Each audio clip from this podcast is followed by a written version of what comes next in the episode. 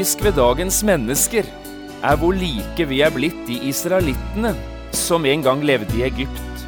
Vi går omkring med egyptiske briller og ser tilværelsen fra egypternes ståsted. Vi vil bare forholde oss til det vi kan se, fatte eller forstå. Og hvis noen kommer og vil ha oss til å vandre i tro, ja, da begynner vi å protestere, eller vi blir frustrert.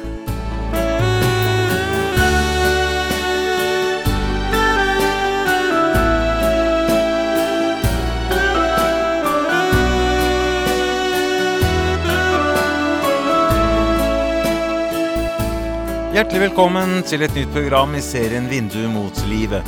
Programmet er produsert av Kristen Riksradio og blir ledet av Jon Hardang. Kristen Riksradio drives av frivillige gaver. Vi er glade for din støtte.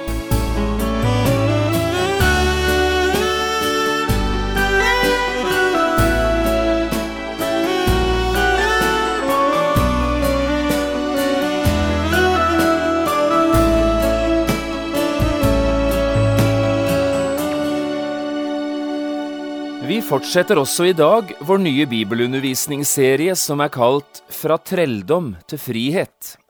Utgangspunktet for denne serien er noen kapitler i Andre Mosebok som forteller om israelsfolkets utgang fra Egypt, og hva som siden skjedde med dette folket, helt fram til de kom til Sinai-fjellet. Vi skal i dag lese et avsnitt fra Andre Mosebok og kapittel 13. Vi leser der vers 17 til 22, og jeg har kalt dagens program Når Gud kjører sørover. Da nå farao lot folket fare, førte Gud dem, ikke på veien til filistrenes land, skjønt den var den nærmeste.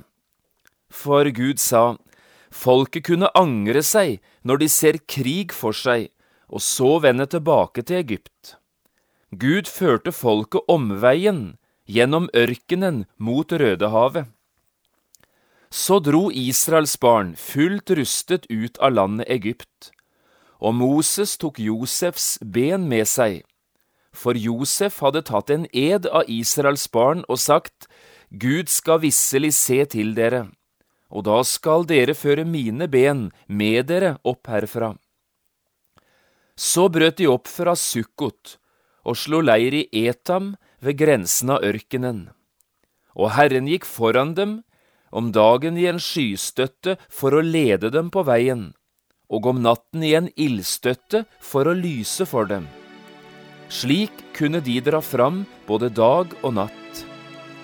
Skystøtten vek ikke fra folket om dagen, og heller ikke ildstøtten om natten.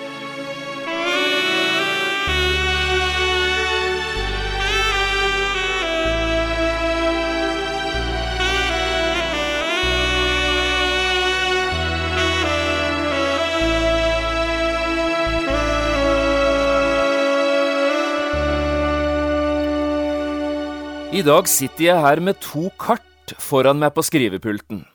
Det ene er et kart over Norge, og det andre er et av de kartene som finnes bak i de aller fleste biblene våre. Det er noe artig med kart. Etter hvert som vi blir fortrolig med dem, er det som vi kan se kartet for oss med vårt indre blikk, selv om vi ikke har selve kartet liggende foran oss. Jeg gjorde helt nylig en liten test på dette med en som jeg kjenner ganske godt. Jeg tok et hvitt ark, og uten å si et eneste ord tegnet jeg et omriss av Norge. Hva er dette? spurte jeg. Norge, lød svaret, kjapt og kontant. Riktig, sier jeg, og så fortsatte jeg. Kan du plassere Oslo, Trondheim, Kristiansand, Halden på dette kartet? Og det ble gjort. Stavanger, Kirkenes, Tromsø, Bergen og Røros. Det gikk utrolig bra. De fleste av disse byene havnet på riktig plass, iallfall sånn omtrent. Og det ble for meg et eksempel på hvordan norgeskartet sitter fast i hodene våre. Så tegnet jeg en annen skisse av den østlige delen av Middelhavet, og så et riss av landet Israel øst for Middelhavet. For å gjøre dette litt enklere skrev jeg ordet Middelhavet midt på skissen. Og spørsmålet, det var det samme som litt tidligere. Hva er dette? Det tok litt lengre tid, men så kom svaret litt mer usikkert. Er det Israel? Ja, sier jeg igjen, riktig. Og så fortsatte jeg. Kan du plassere Dødehavet, Genesaretsjøen og Jordanelven på dette kartet? Og Jerusalem og Tel Aviv og Hermonfjellet og Haifa og Eilat? Nå gikk det litt tregere. Noen ting havnet omtrent på riktig plass, men Hermonfjell og Tel Aviv og Haifa havnet ganske mye utenfor allfarvei. Men også her var det ganske god oversikt. Jeg tror dette er ganske typisk. Vi er best på norgeskartet, men heller ikke Israelskartet er helt ukjent for mange nordmenn, iallfall de som ikke tilhører den aller yngste garde. Og mens vi nå snakker om kart, la oss gjøre et lite eksperiment. La oss tenke oss at du skal reise fra Oslo til Bergen med bil. Sammen med deg i bilen din har du to eller tre fra din egen familie, og dere skal kjøre sammen med en del venner fordelt i tre andre biler. Og din bil, den ligger sist i køen. Før dere kjører, sier en av dem som du ikke kjenner så godt, jeg kjører først. Denne veien har jeg kjørt ofte, så jeg tror jeg vet hvilken vei som er den beste. Heller ikke du er jo ukjent med veien fra Oslo til Bergen. Du vet at det foreligger flere muligheter. Dere kan kjøre opp Valdres og ta Lærdalstunnelen, det er lengst nord. Eller dere kan kjøre Hønefoss og Hallingdal, og så enten ta veien Auland-Hol, eller dere kan kjøre over Hardangervidda. Og så vet du at dere også kan kjøre lenger sør hvis dere tar veien over Haukelifjell. Så kjører dere ut av Oslo, og du regner kanskje med at dere tar av i Sandvika for å kjøre over Solihøyda til Hønefoss, og så videre enten opp Hallingdal eller opp Valdres. Men det skjer ikke.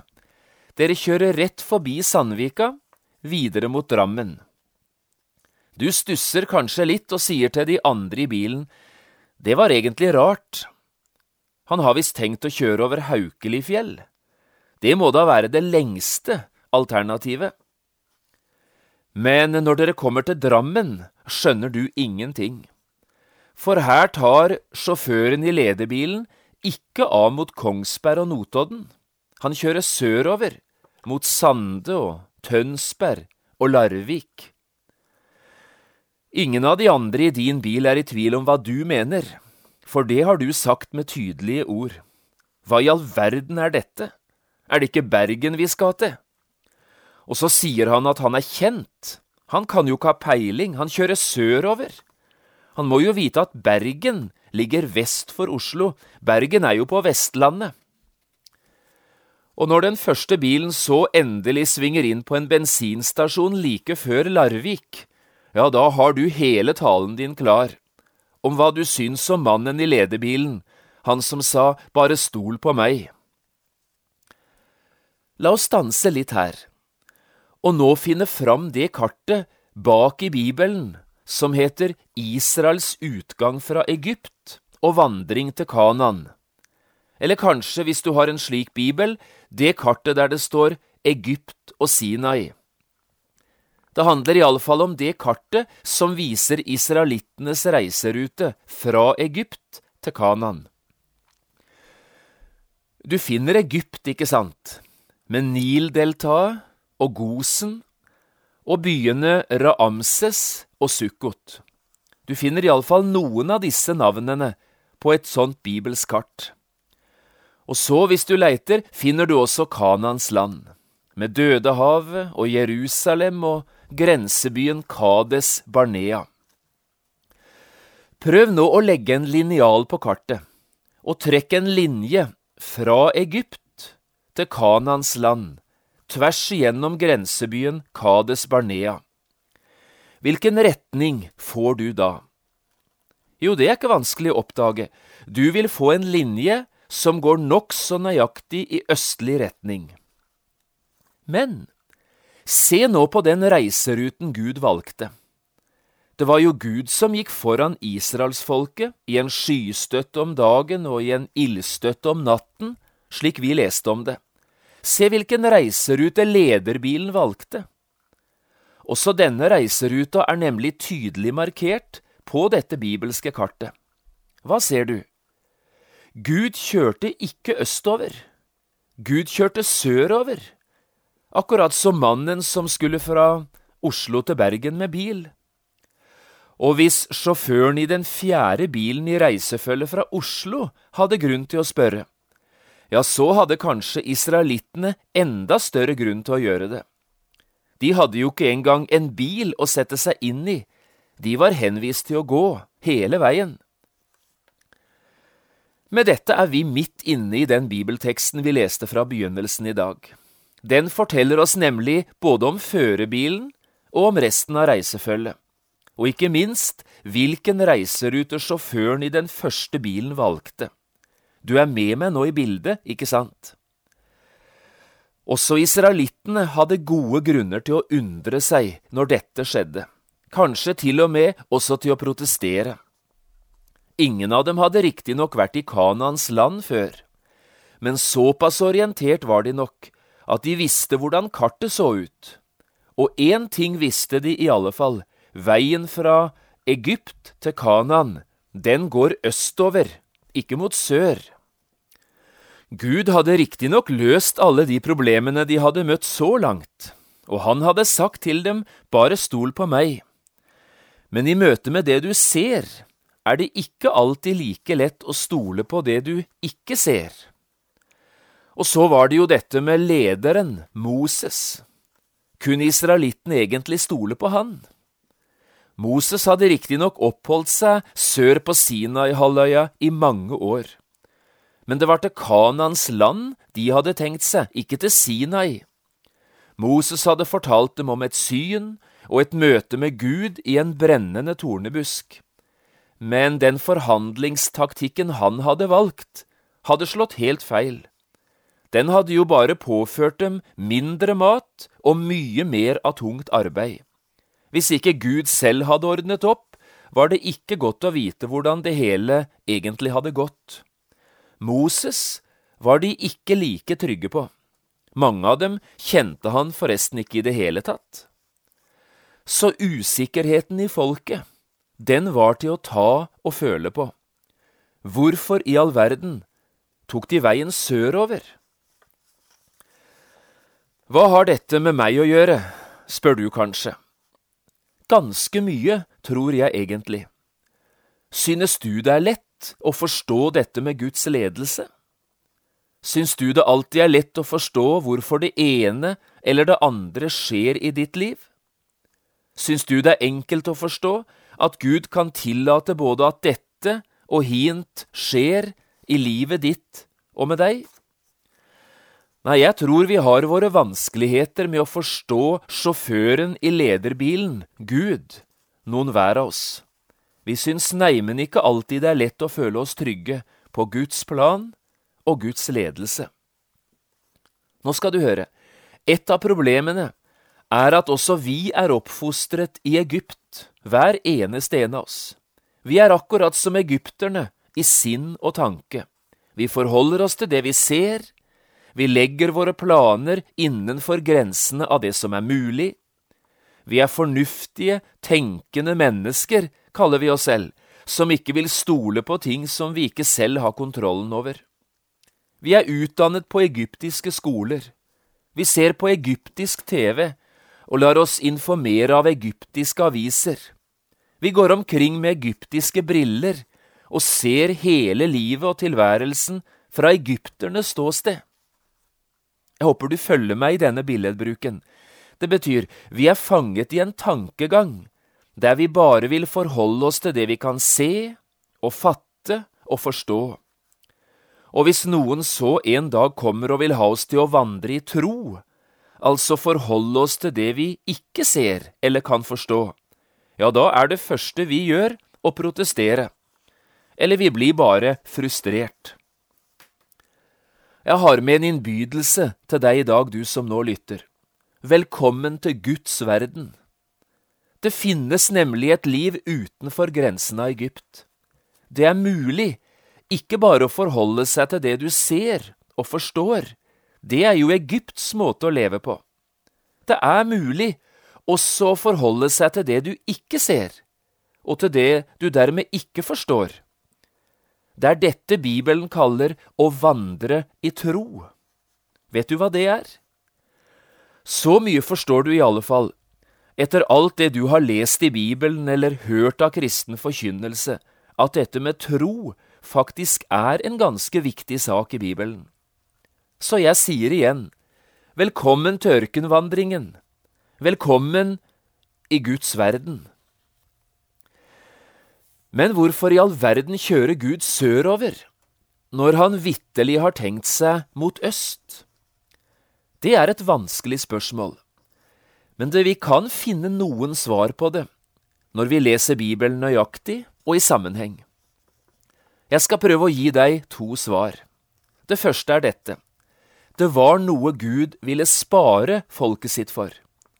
Den lette veien er nemlig ikke alltid den rette veien og iallfall ikke alltid den beste veien. Så jeg sier igjen, det var noe Gud ville spare dem for, derfor kjørte han sørover. Hør enda en gang vers 17 og 18. Da nå farao lot folket fare, førte Gud dem ikke på veien til filistrenes land, skjønt den var det nærmeste. Gud sa folket kunne angre seg når de ser krig foran seg, og så vende tilbake til Egypt. Gud førte folket omveien, gjennom ørkenen mot Rødehavet.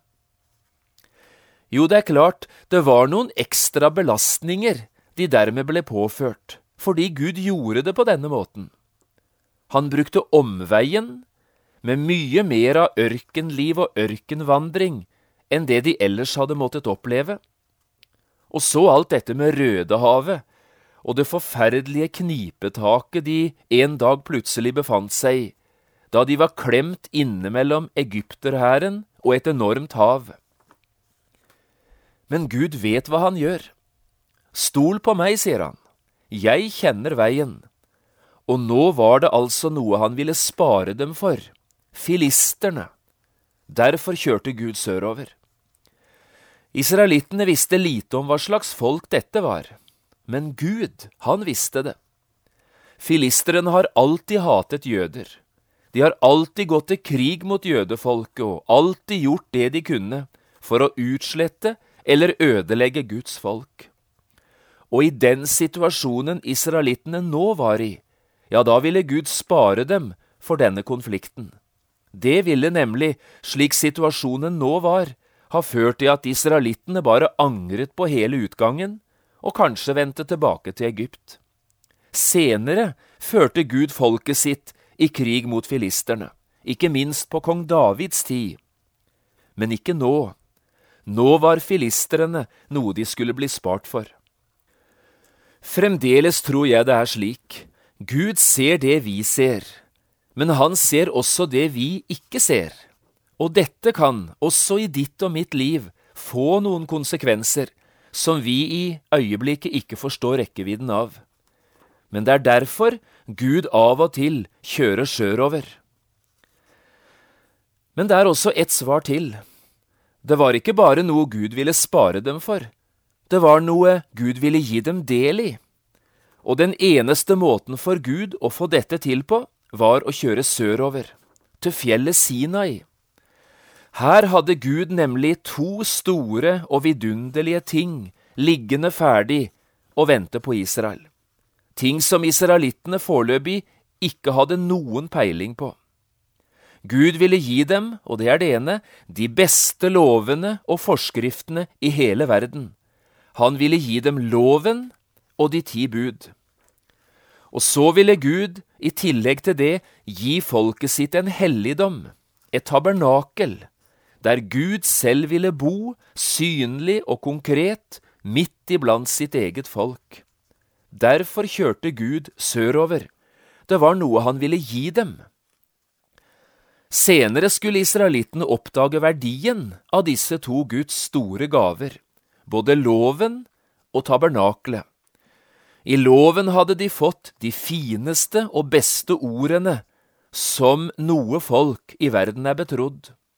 Og i tabernakelet, ja, der hadde de et sted de kunne gå til når de ikke mestret livet selv.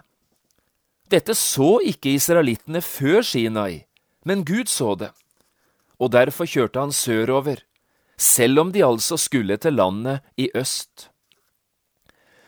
Tør du å tenke at dette kanskje også er grunnen til at ting kan ha skjedd i ditt liv som du ennå ikke forstår?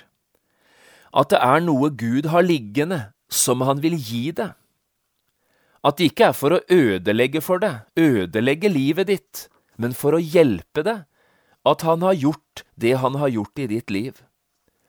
Den tanken syns jeg du skal prøve å tenke litt igjennom nå i dag. Men det er klart, det er selvsagt alltid usikkerhet forbundet med det å følge en sjåfør som kjører sørover, når det er en helt annen retning enn den du har tenkt deg. Det er alltid en usikkerhet med det å følge Jesus og det å følge Guds vei gjennom livet. Det går ofte i andre retninger enn vi hadde tenkt. Dette vet Gud. Derfor vil han også gjøre det slik at du og jeg, midt oppi dette, skal få være trygge. Derfor, nå til slutt, hør på disse ordene, som vi også leste i dag. Og Herren gikk foran dem, om dagen i en skystøtte for å lede dem på veien, og om natten i en ildstøtte for å lyse for dem. Slik kunne de dra fram både natt og dag. Herren gikk foran dem, sto det her. De møtte altså ikke én eneste ting på veien som ikke Gud hadde møtt før dem, enten det var om dagen og i lyset, eller det var om natten når mørket rådet.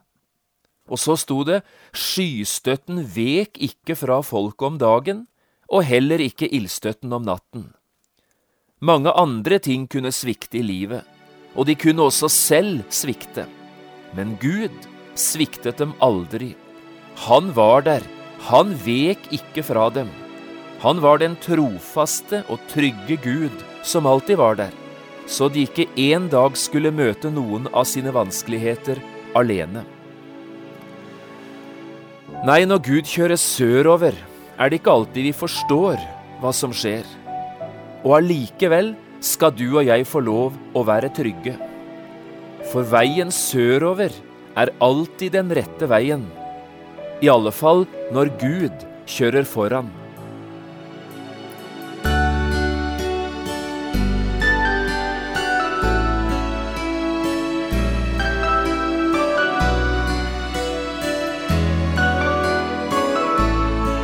Du har hørt på et program fra serien Vindu mot livet med John Hardang. Programmer i denne serien kan også kjøpes på CD fra P7 Kristen Riksradio, eller høres på internett på p7.no.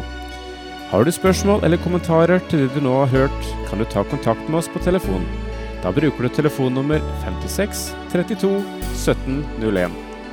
Du kan også sende oss en e-post. Adressen er vml.krøllalfa.p7.no. Takk for i dag, og på gjenhør.